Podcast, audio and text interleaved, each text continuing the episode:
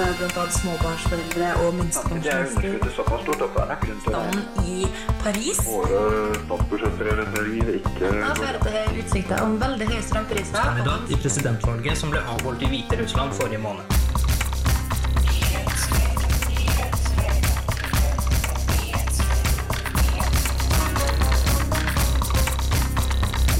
Nyhetsfredag.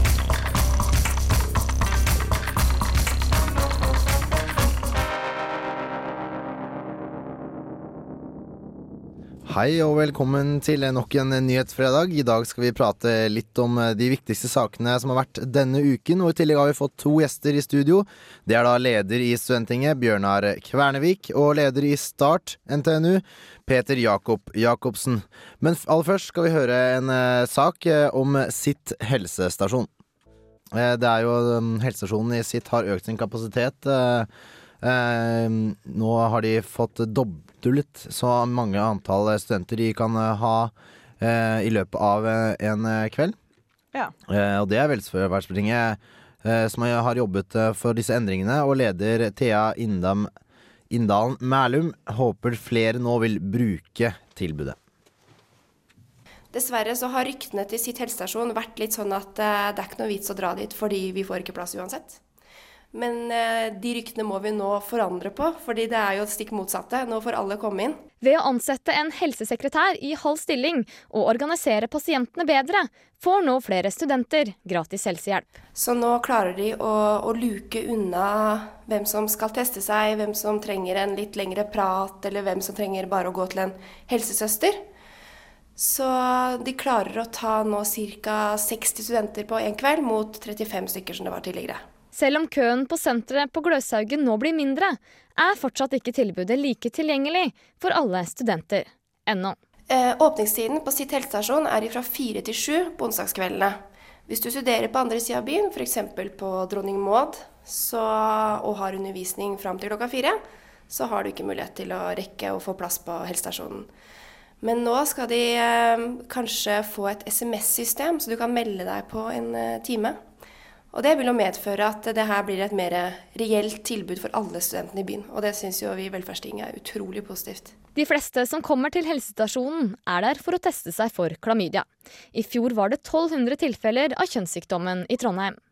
Velferdstingslederen mener et godt helsetilbud kan være med på å senke tallene. Eh, Jeg tror det har veldig mye å si, fordi vi studenter er jo sånn at eh, vi liker at ting er tilgjengelig. Så jo enklere å teste seg, jo flere tror jeg tester seg. Helsestasjonen, helsestasjonen til sitt ligger på Gløshoven og er åpent fra fire til syv hver onsdag. Du hørte leder for Velferdstinget Thea Inndal Mælum. Reporter i denne saken var Ingvild Sættem Beltesbrekke. ja.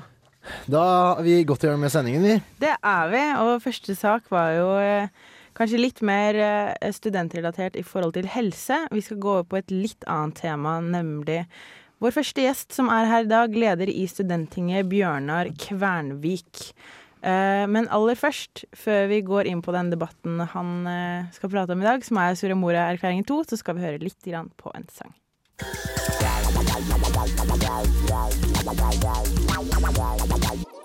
Du hører på Radio Revolt på FM 97,9. Ja, der hørte vi La Rux med I'm Not Your Toy. Kanskje litt eh, småtreig låt på slutten her. Eh, vi har som sagt en gjest her i studio, eh, leder i Studenttinget, Bjørnar Kvernvik. Tusen takk for at du kom. Bare hyggelig. Alltid koselig å ha deg her. Du har jo begynt å bli litt eh, radiovant, føler jeg. Eh, Du er jo her ganske ofte. Jo da, stemmer det. Men sist gang du var på besøk, så pratet vi litt om eh, heltidsstudenten, om hvordan det var. Og Mm. etter Soria Moria-erklæringen 2 så har du vel litt blandede følelser. Kan du fortelle litt om det? Ja da. Eh, på onsdag så la jo regjeringa fram eh, den nye regjeringserklæringa, Soria Moria II.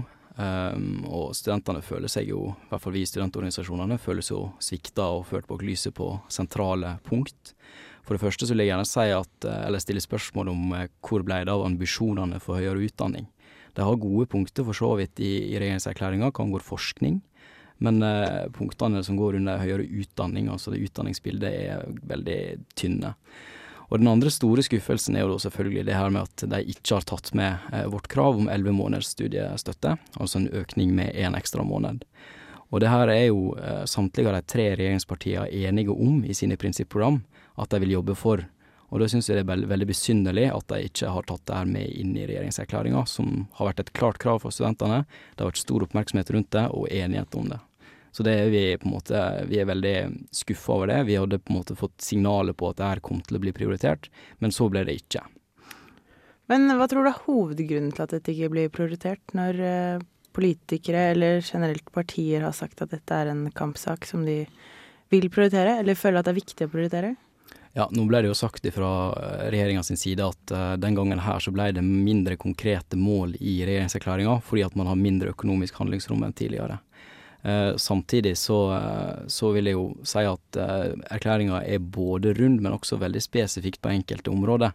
Så det er ikke helt sannhet i at den er, at den er bare vagere formulert. og for å si det sånn, da, så er det andre tiltak de har som er veldig kostnadskrevende som på langt nær ikke er en like stor investering som det å investere i studenter, nemlig Norges framtid. Det, det, er vi som skal uh, skape de nye verdiene i samfunnet. Det er vi som skal stå for pengene når oljen tar slutt. Og det legger man da opp, opp til at man ikke ønsker å bruke noen hundre millioner kroner på. Uh, og jeg syns det er en, en, litt rar prioritering å bruke penger fra regjeringa side.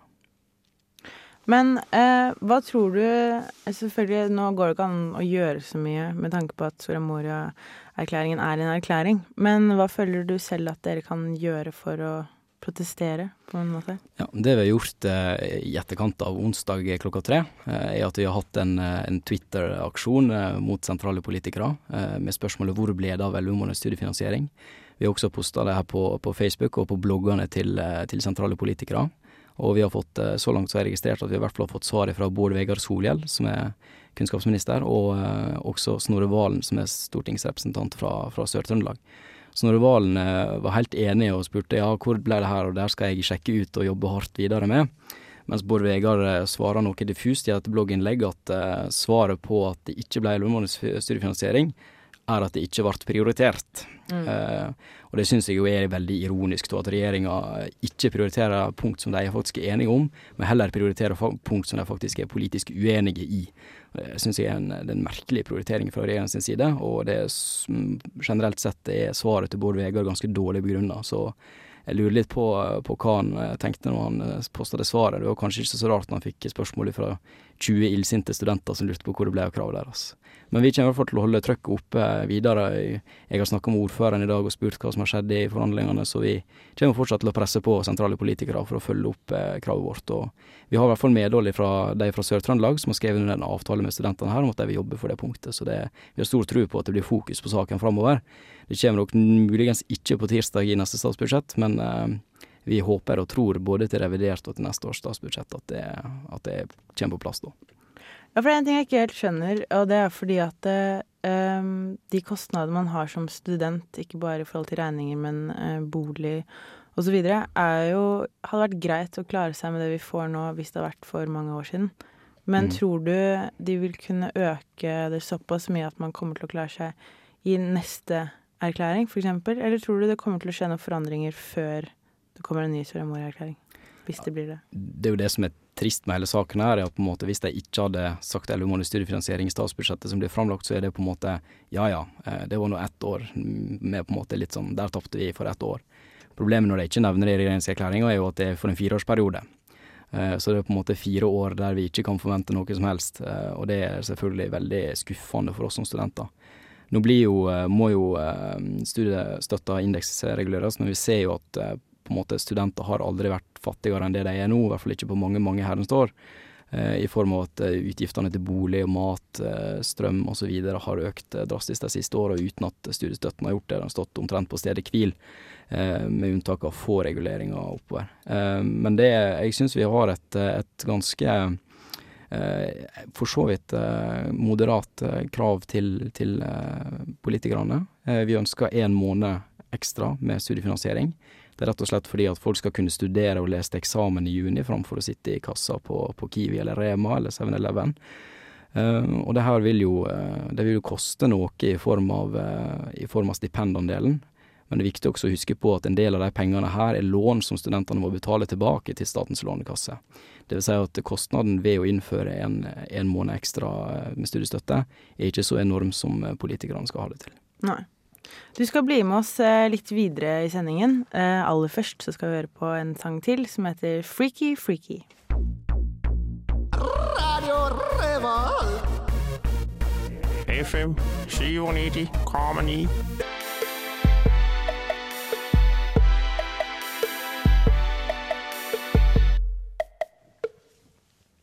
Ja, du hører fortsatt på Nyhetsfredag her på Radio Revolt. Eh, med oss i dag er leder i Studenttinget, Bjørnar Kvernvik, og du var med oss nå i sted òg. Vi skal prate litt mer positivt nå, ikke sant? Mm.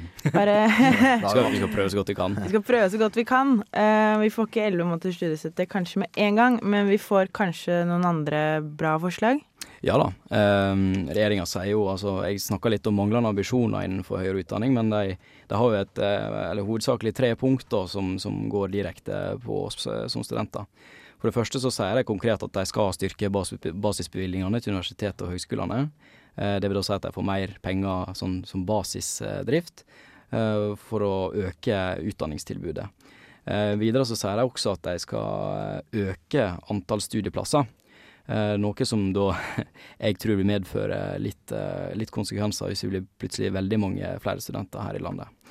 Um, det må ses litt i sammenheng med, med også punktet de sier om at de skal ha som mål å bygge 1000 studentboliger i året.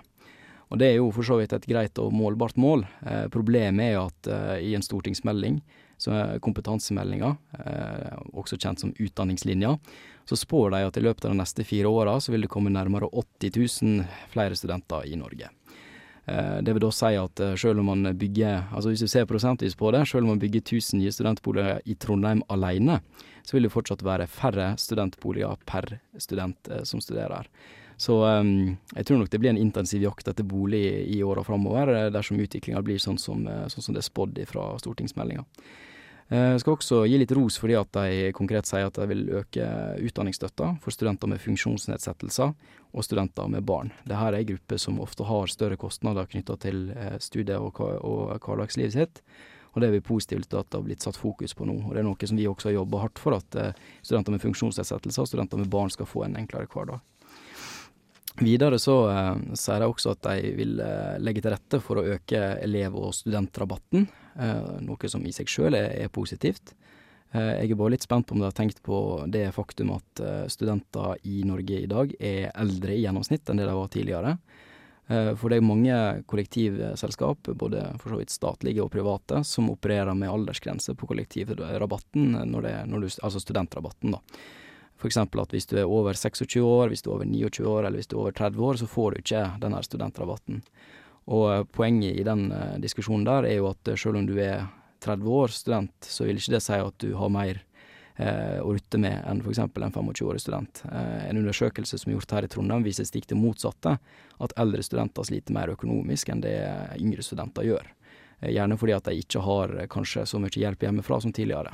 Og sånn. Men, Men ja. kan jeg spørre om noe der? Mm. Fordi eh, jeg syns det er veldig fint at man skal ha eh, rabatt og sånn for eh, studenter som er eldre.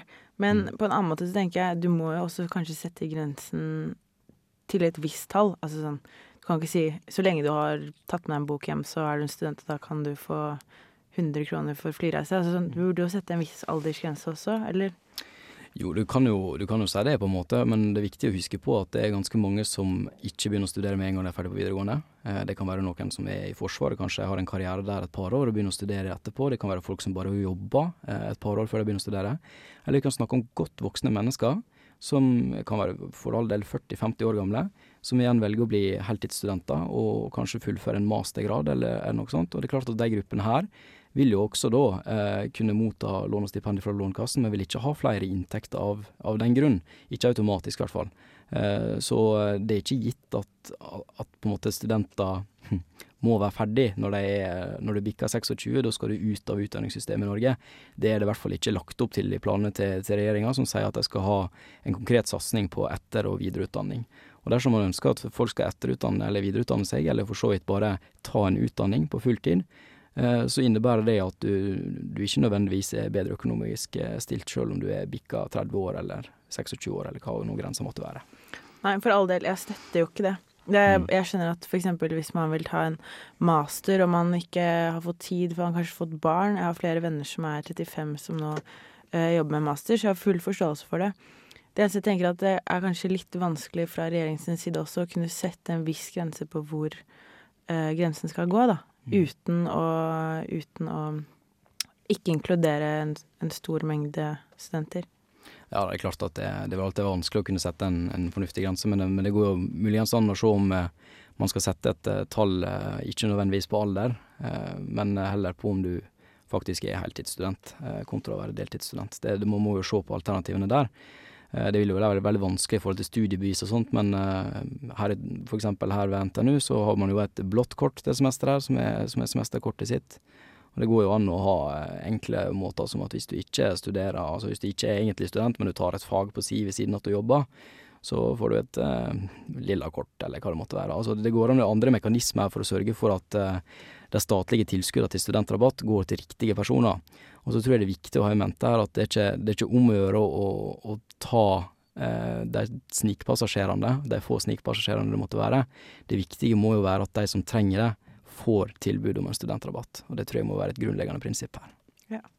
Men jeg syns egentlig at vi som studenter her i Trondheim har eh, veldig goder i forhold til studentrabatt. Eh, det er veldig mange For eksempel i Oslo så har du jo veldig mye mindre tilbud. Det er kanskje litt vanskeligere også, men, eh, men her i Trondheim så syns jeg at det er veldig mye du kan få for en veldig billig penge, da. I forhold til eh, andre byer. Ja, det er kanskje, kanskje det også, da. Man vil se på forskjellen på, på hvor man studerer. Mm. Det er billigere å være student i Trondheim enn det er å være student i Oslo. Og er det noe man kan gjøre med det, for eksempel. Også. Det er vanskelig å Ja da, det er klart det er vanskelig. Altså, vi ser jo at de store byene er størst pressa når det kommer til f.eks. bolig. Eh, Men det ironiske med Oslo er også det at eh, du må være student i Oslo for å kunne få kollektivtransportrabatt eh, som student. Så hvis du kommer med et semesterkort fra NTNU, så får du ikke noe rabatt på noe som helst. Det skjedde med meg i sommer. Jeg skulle kjøpe et busskort for en måned, for jeg, eh, foreldrene mine bor i Oslo. Mm. Og da var jeg kjempestolt og tenkte at det kom til å bli veldig billig for meg siden jeg hadde semesterkort fra NTNU. Men det kostet visst 800 kroner. Det fungerer omvendt her. Ja, det gjør det. Det gjør det. Det gjør det, vet du. det, gjør det. Trøndere er snillere av prinsipp, kanskje. Det kan godt være. Det kan godt hende. Tusen hjertelig takk for at du var med oss i studio atter en gang. Ja, alltid hyggelig å komme. Ja, veldig, veldig fint. Eh, vi skal gå innover på noe litt annen, eh, noe annet eh, senere i dag. Vi skal snakke litt grann om eh, TV-aksjonen som var nå for litt siden på Uka.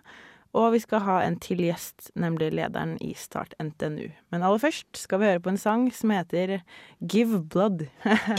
Gonna have your mouth gagged so God can hear your cry. Yes, eh, da Hvor er vi? Jo, Jo, nå- sak tre. Sak tre. Hans Majestets uh, Håkon. Hans Majestet Håkon, ja. Han kom eh,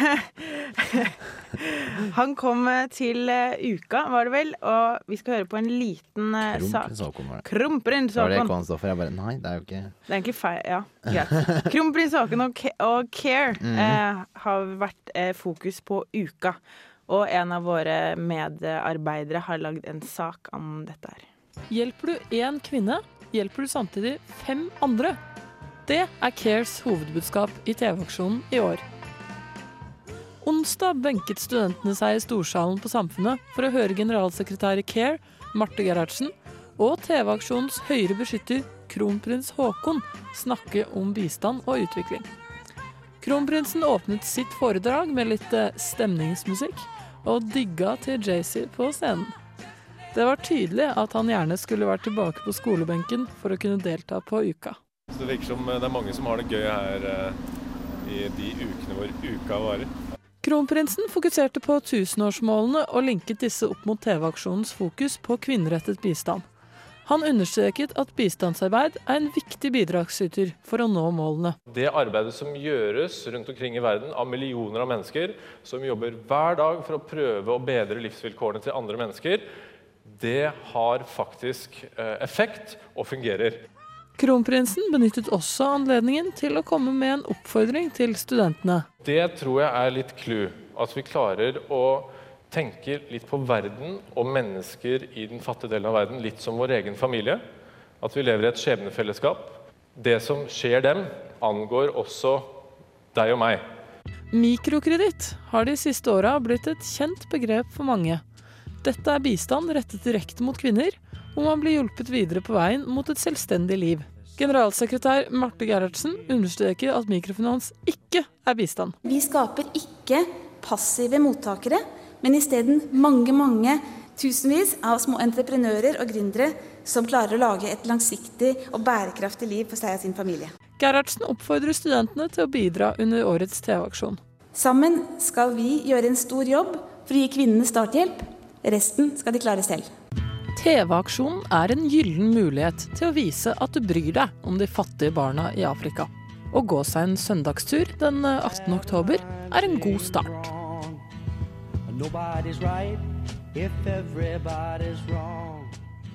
Yes, det var Solveig Blomstrø Nordbø som hadde vært på eh, Care-aksjonen der. Eh, Og ble du eh, engasjert, eh, eh, så kan du gå inn på TV-aksjonen tv-aksjon.no, og der finner du altså mer informasjon om hvordan du kan bli bøssebærer eh, kommende søndag, var det? Ja, jeg syns alle som eh, hørte på det her, burde bli med. Fordi du gjør noe veldig bra i en veldig kort periode. Og eh, det er veldig mange mennesker som er villige til å gi mye for TV-aksjonen. Generelt så er det jo veldig mange i Trondheim her som liker å bidra på, og gi av sin fritid, så jeg ser for meg at mange kommer til å ha lyst til å også ta i et tak her og bære bøsser og delta på TV-aksjonen, altså. Ja, det tror jeg også. TV-aksjonen får alltid inn veldig mye penger eh, i forhold til andre formål fra andre organisasjoner, siden det da er en litt sånn dragkamp om hvem som skal få det. Så jeg tror, eh, tror det kommer til å bli bra. Mm. Eh, Videre i sendingen så skal vi eh, snakke, få litt, høre litt mer om hva Start NTNU er. Vi har fått med lederen i studio etter neste sang. Han heter Peter Jakob Jacobsen. Men først Jail, No Minus Love.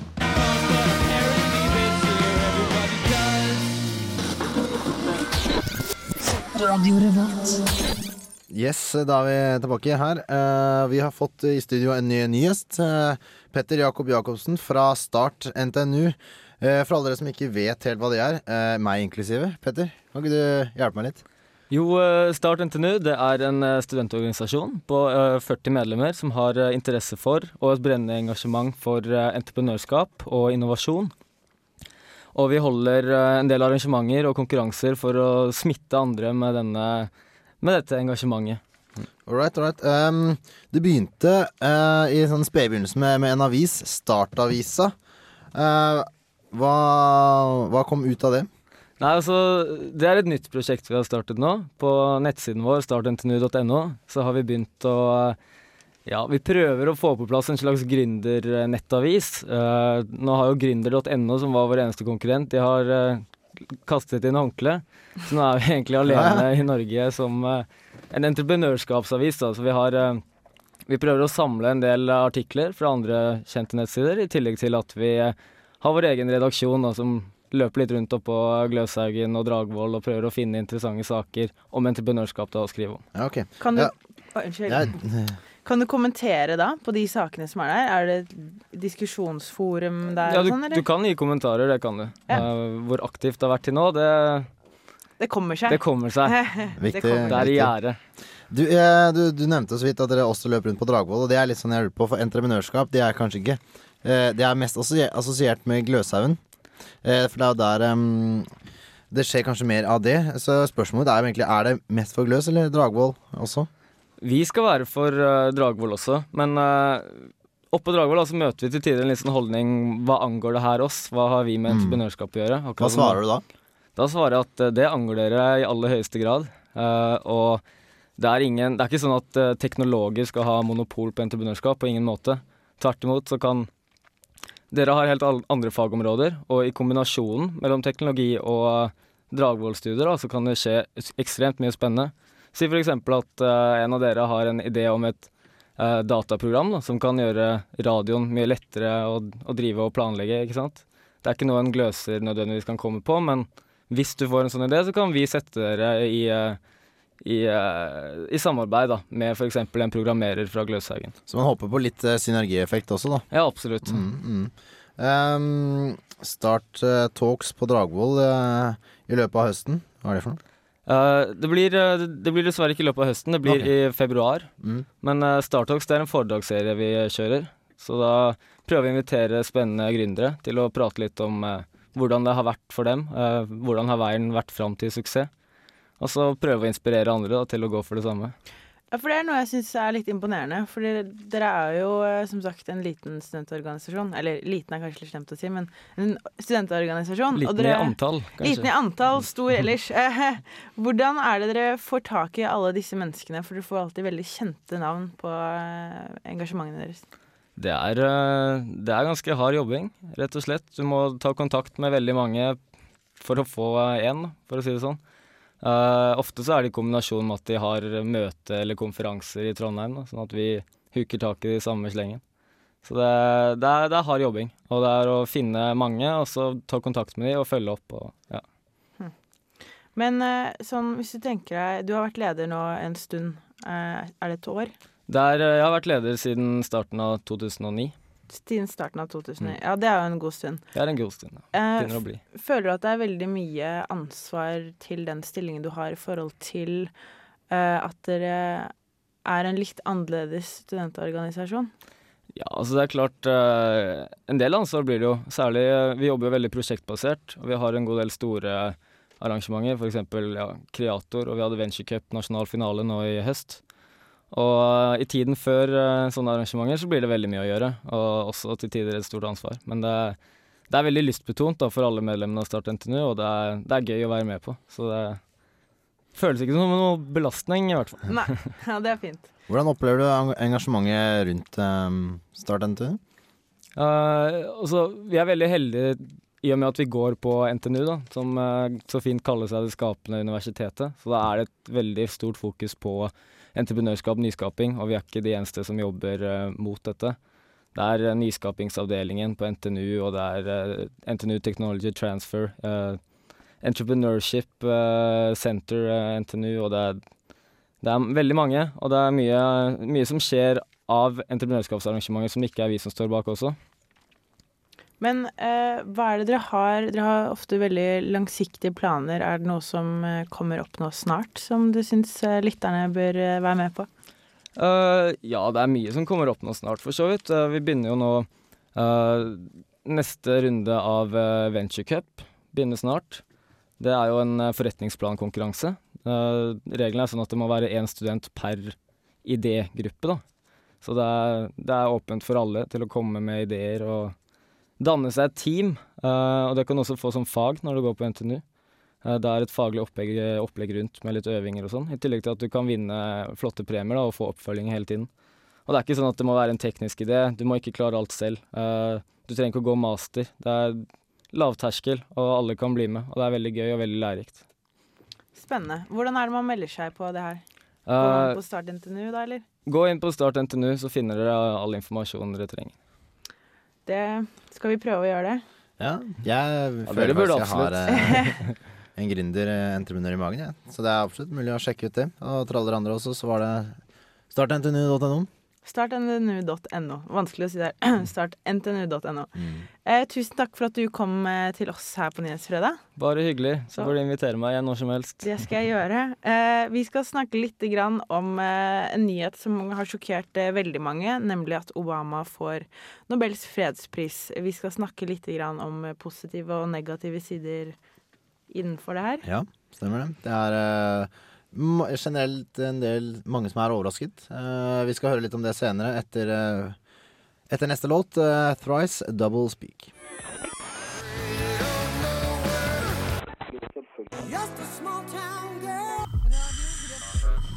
Radio Revolt.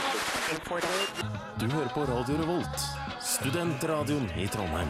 Yes, eh, da har vi prøver å bevege oss enda litt videre i sendingen. Vi har ganske mange saker på tapeten. Eh, Den største nyheten i uka som eh, var, eller er, ble sluppet i dag, da Jagland annonserte hvem som ble årets Nobels fredsprisvinner. God morgen. Good morning.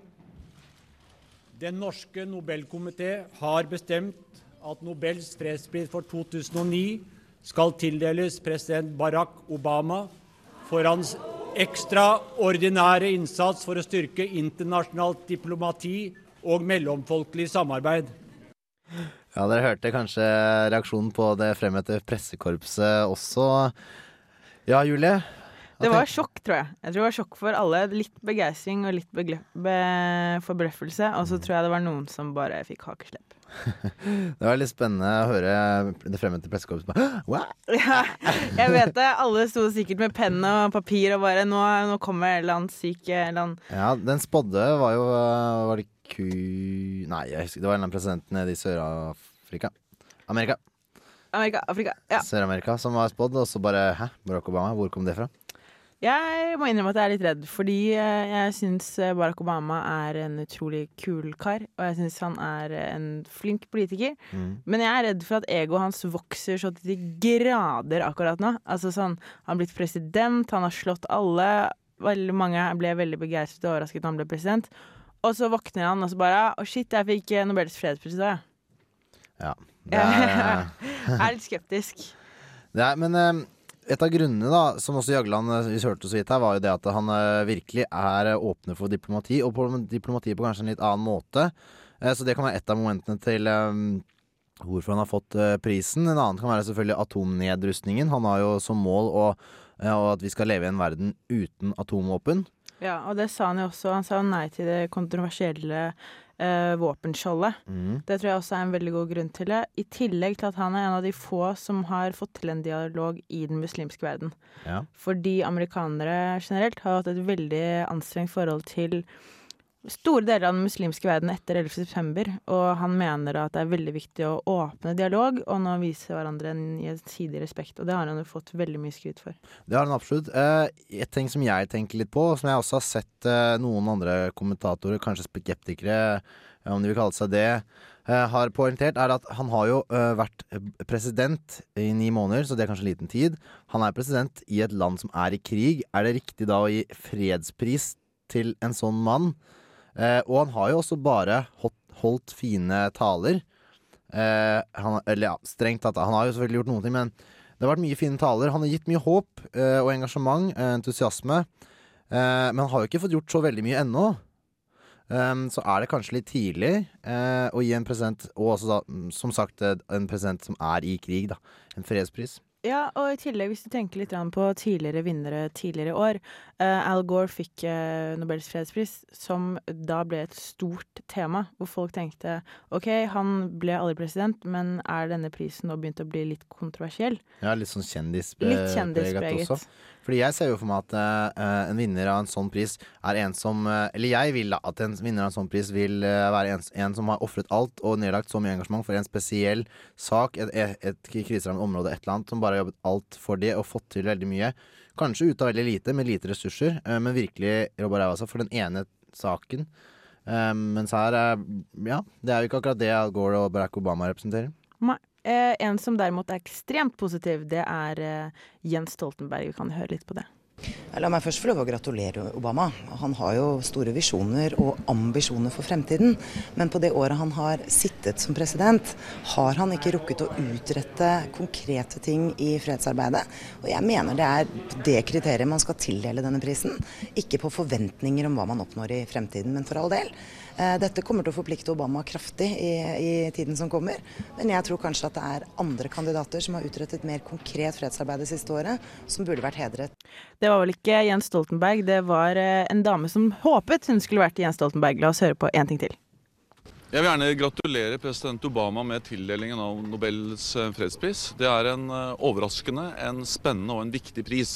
Det kan bidra til å virkeliggjøre presidentens visjoner om en verden der konflikter løses gjennom forhandlinger, gjennom dialog, ikke gjennom krig. Bidra til å virkeliggjøre hans målsettinger om atomnedrustning, om å fjerne atomvåpen. Og også støtte han i arbeidet for å få til en eh, klimaavtale eh, som løser verdens klimaproblemer. Så det er en spennende eh, og viktig pris, og vi gratulerer han med tildelingen. Jeg syns fredsprisen skal utdeles for noe som er oppnådd, og ikke for aspirasjoner. Det er jo først og fremst det Obama har stått for. En, endring i retorikk og tilnærming som foreløpig ikke har gitt resultater. Dette skjer jo også samtidig som eh, eller etter at Obama har sendt flere soldater til en krig, og antageligvis kommer til å sende enda flere soldater til en krig. Eh, Det er også litt eh, problematisk, selv om dette er en krig som jeg og mange andre støtter. Så skal man være forsiktig med å gi fredspris til eh, presidenter som eh, kriger og opptrapper kriger. Yes, det var Christian Berg Harpviken, eh, som er Prio-direktør der, som var litt mer kritisk eh, til eh, vinnerne i dag. Dagens vinner. Ja, dagens vinner. Vi har ikke mer tid igjen, vi må bare avslutte. Vi kommer tilbake neste fredag. Eh, Jeg håper veldig mange skal på Frans Ferdinand-konsert. Hvis dere skal det, så får dere med dere datarock i tillegg, så det er jo bare bonus for penga.